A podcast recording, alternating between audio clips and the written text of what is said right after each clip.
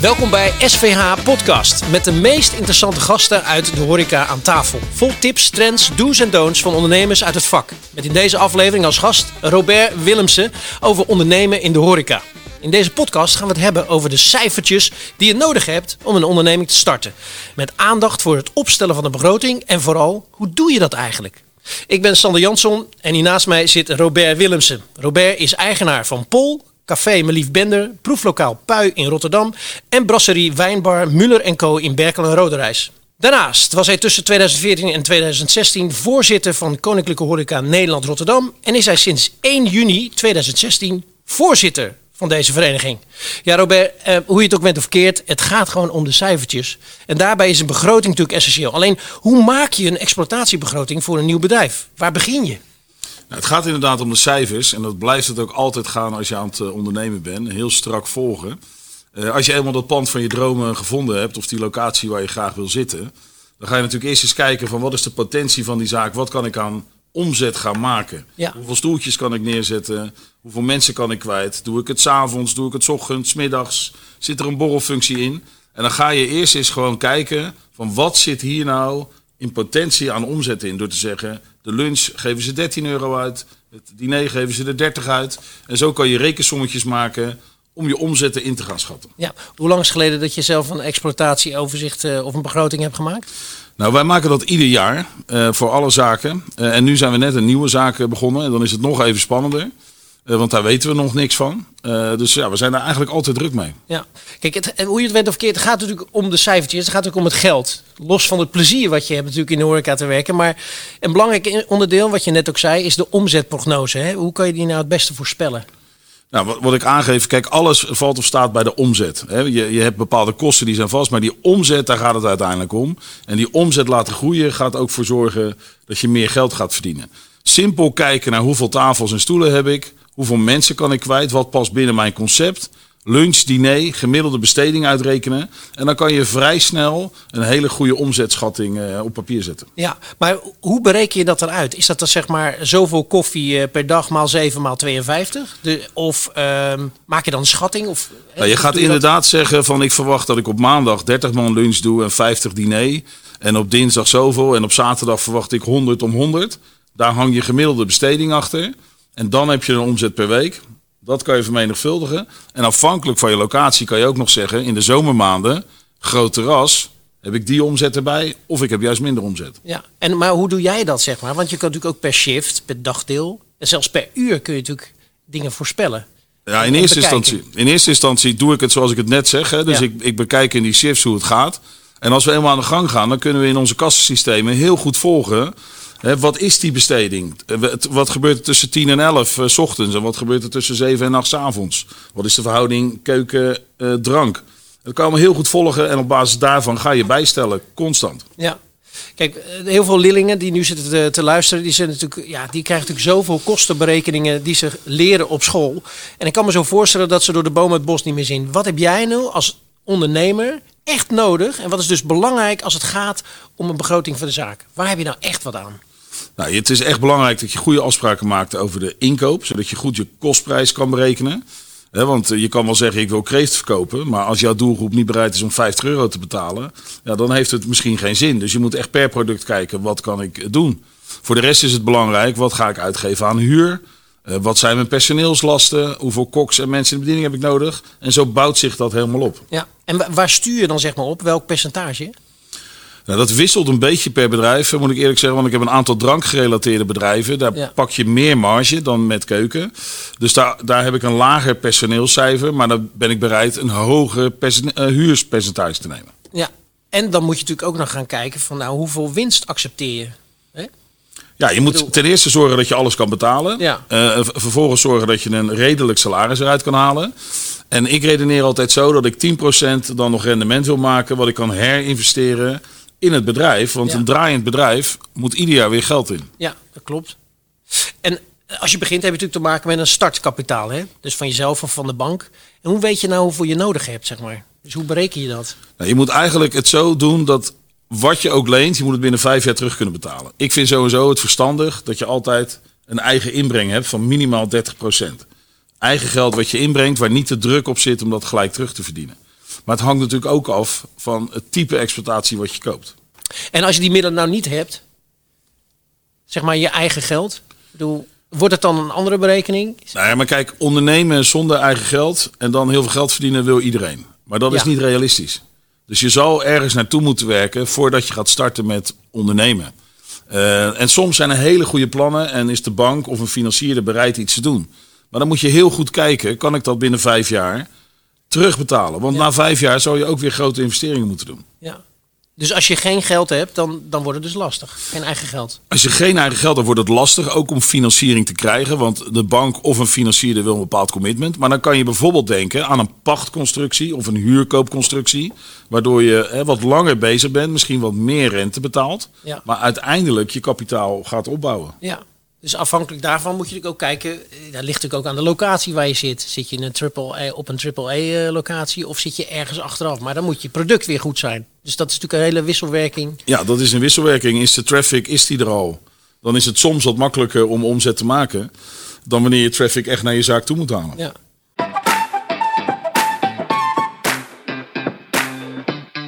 Heb je in al die jaren waarin jij eh, ondernemer bent een aantal tips nog? Waar je op moet letten als je Ja. zo'n begroting wil maken? Nou ja, wat het echt een belangrijke is, is dat je jezelf niet rijk rekent omdat je iets graag wil. Dus je moet altijd een reëel scenario neerzetten, hoe vervelend dat soms ook is om naar te kijken. Eh, en op basis daarvan moet je kiezen of je het wel of niet gaat doen. En je kan soms beter wat langer wachten, totdat echt die goede kans komt waar alle seinen op groen staan. Dan dat je ergens instapt met heel veel twijfel, want dan ga je je leven lang last van krijgen. Ja, misschien is het ook een mentaliteitsdingetje. hè? Dat je niet ergens induikt om alleen maar geld te verdienen. Want horeca heeft ook met liefde te maken. En Toch? horeca heeft alles met liefde en passie te maken. Dus alleen voor het geld moet je het niet doen. Maar je moet wel goed blijven rekenen. Want uiteindelijk, je kan nog zoveel liefde en passie ergens instoppen. Als er geld bij moet aan het eind van de maand, dan gaat de liefde snel over. Ja, en dat doe je het niet goed. Dan doe je het niet goed. Ja, je zegt nou net over alles moet op groen licht staan. Maar wat bedoel je daar precies mee? Nou kijk, er zit natuurlijk altijd een onzekerheid in, in ondernemen. Hè? Want die gasten moeten gaan komen en de kwaliteit moet zo zijn dat ze besteden. Maar als ik kijk naar groen licht, dan zeg ik... ik wil bijvoorbeeld 7% aan mijn huur uitgeven. Als het dan 12% lijkt te worden, maar ik wil de locatie graag hebben... ga ik het toch niet doen. Omdat die 12% gaat mij opbreken aan het eind van de rit. Ja. Als iemand mij wil financieren en ik wil iets heel graag hebben... maar die vraagt 12% rente in plaats van de geldende 3 nu... Ja, dan vind ik dat het zijn op rood staat. Dan moet je het niet doen. ja, maar dat is wel grappig. Want wanneer weet je dat je dat dus dan niet moet doen? Nou, dat is deels ook een beetje gevoel. Maar Ja. als je kijkt naar die, die rationele cijfers, dan is daar natuurlijk bijvoorbeeld bij je bank, is daar heel goed eh, branchegegevens op te halen van zo moet het eruit zien. Ja. Eh, en zo moet het plaatje ingevuld worden. En daar moet je mee spelen. Ja. Stel, je bent nou een leerling en je luistert en je denkt van ja, ik wil gewoon een leuk tentje beginnen. Dan, ja, maar hoe weet je dan, ja, je weet van toeten nog blazen, van hoeveel mensen er, wat de aanwas is, wat de aanloop is, ik bedoel, wat je, wat je gaat omzetten. Hoe moet je dan beginnen? Moet je ergens gaan zitten en, en gaan kijken van hoeveel mensen ergens eh, binnenlopen of voorbij lopen? Of, Nou, dat ligt een beetje aan inderdaad wat voor type zaken. Ga je op een, eh, een, eh, een locatie zitten waar heel veel traffic is, dan moet je inderdaad gaan kijken, oké, hoe doen andere zaken daar? Hoeveel mensen komen daar binnen? Eh, Komen ze daar een half uurtje binnen of gaan ze daar uitgebreid zitten eten? Hoe besteden ze? Maar je kan ook denken vanuit jouw product. Hè? Dus op een afgelegen plek. Maar zo'n goede keuken of zo'n goede cocktailbar. Dat mensen naar je toe gaan komen. Ja. Ja. en dan is het natuurlijk altijd afwachten. Hè? Gaan ze het ook doen? Ja. Ja, dat is ondernemen. ja, nou dat leuk is, want wat is dan het speciale aan jouw zaken? Waarom mensen juist bij jou dat biertje willen doen of dat hapje gaan eten? Ja, ik denk dat de basis van mijn zaken is het personeel. Dus wij hebben echt een heel goed team. Wij geven ook relatief veel geld uit eh, aan het personeelscijfer. Aan, aan opleiding, training, eh, gastvrijheidstrainingen, alles. En ik denk dat de gasten dat bij ons heel erg waarderen. Ze voelen zich heel erg welkom. En eh, daar komen ze voor. Vind je dat het, dat het over het algemeen onderschat wordt, personeel? Ik vind sowieso dat ons vak überhaupt onderschat wordt. Eh, als het gaat om constante kwaliteit kunnen bieden, daar is echt veel voor nodig. Maar ik vind ook dat we als werkgevers heel erg goed op moeten letten hoe gaan we met onze mensen om. Ja. Want waar we vroeger 70 uur wilden werken omdat we in een sterrenzaak wilden staan, ja, dat doen we gewoon niet meer. Mensen willen ook een sociaal leven, vrije tijd, eh, goede arbeidsvoorwaarden. Ja. Ja, daar moeten we rekening mee houden. Ja, ja want zo'n exploitatieoverzicht wordt natuurlijk anders, zo'n begroting, als je dus echt gefocust bent op personeel. Want die kosten zijn natuurlijk hoger dan. Nou ja, kijk, wij doen 2% eh, bijvoorbeeld eh, van onze omzet eh, besteden wij aan trainingen en de ontwikkeling van personeel. Uh, dat houdt in dat ik die 2% ergens anders weg moet halen. Dus Ja. ik ben heel scherp op mijn inkoop. Ja. Uh, en daar probeer ik wat meer te verdienen, zodat ik bij mijn personeel wat meer uit kan geven. Ja.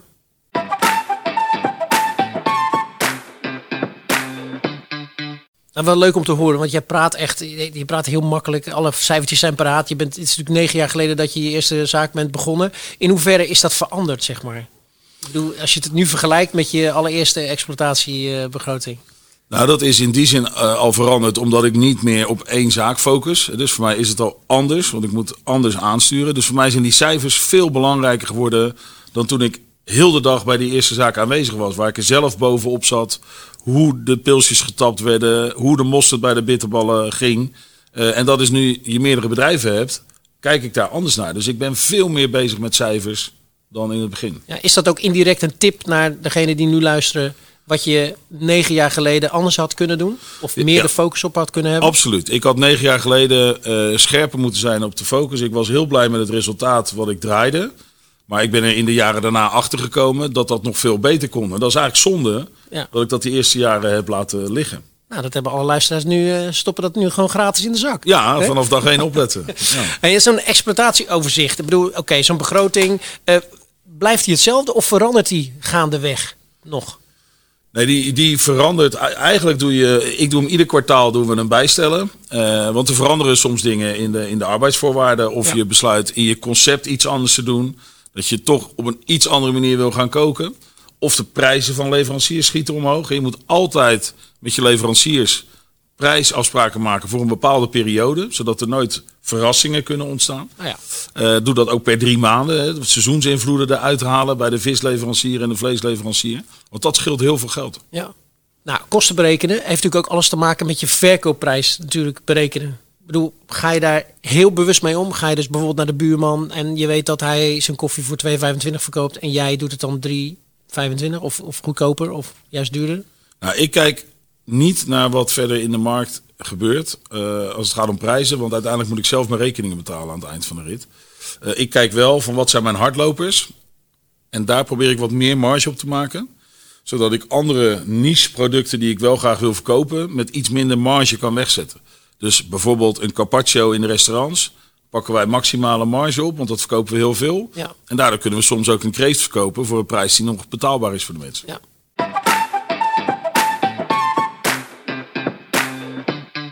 Uh, Robert, je had het net ook over uh, zo goedkoop mogelijk inkopen. Maar denk je dan ook wel na over kwantiteit of kwaliteit? Ik bedoel, daar zit natuurlijk wel even een dingetje. Want je kunt natuurlijk voor de A-merken gaan, maar de B-merken kunnen minstens zo goed zijn. Ja, maar ik, ik, ik, goedkoop inkopen is ook niet dat ik zeg je moet per se de laagste prijs hebben. Je moet de beste prijs-kwaliteit kopen en daar je verkoopprijs op uh, baseren. Ja. Wat ik ook heel belangrijk vind, en daar is al heel lang een mooi spreekwoord voor. Niet het onderste uit de kan willen hebben. Loyaliteit met je leveranciers, zodat ze er ook voor je zijn. Om mee te denken is heel belangrijk. En uiteindelijk uh, heeft alles zijn waarde en moet je gewoon je verkoopprijs heel goed bepalen. Ja. En wat is er in wat dit betreft zeg maar veranderd in de afgelopen negen jaar? Althans toen je net begon en nu? Nou, ik denk toen ik net begon dat ik misschien wel iets te veel bezig was om gelijk met iedereen alles uit te onderhandelen. Maar je moet jezelf ook als ondernemer eerst bewijzen. En ik heb wel ervaren, uh, ik heb veelal nog dezelfde leveranciers als in het begin. Omdat een stukje loyaliteit naar elkaar is ook heel belangrijk. Ja.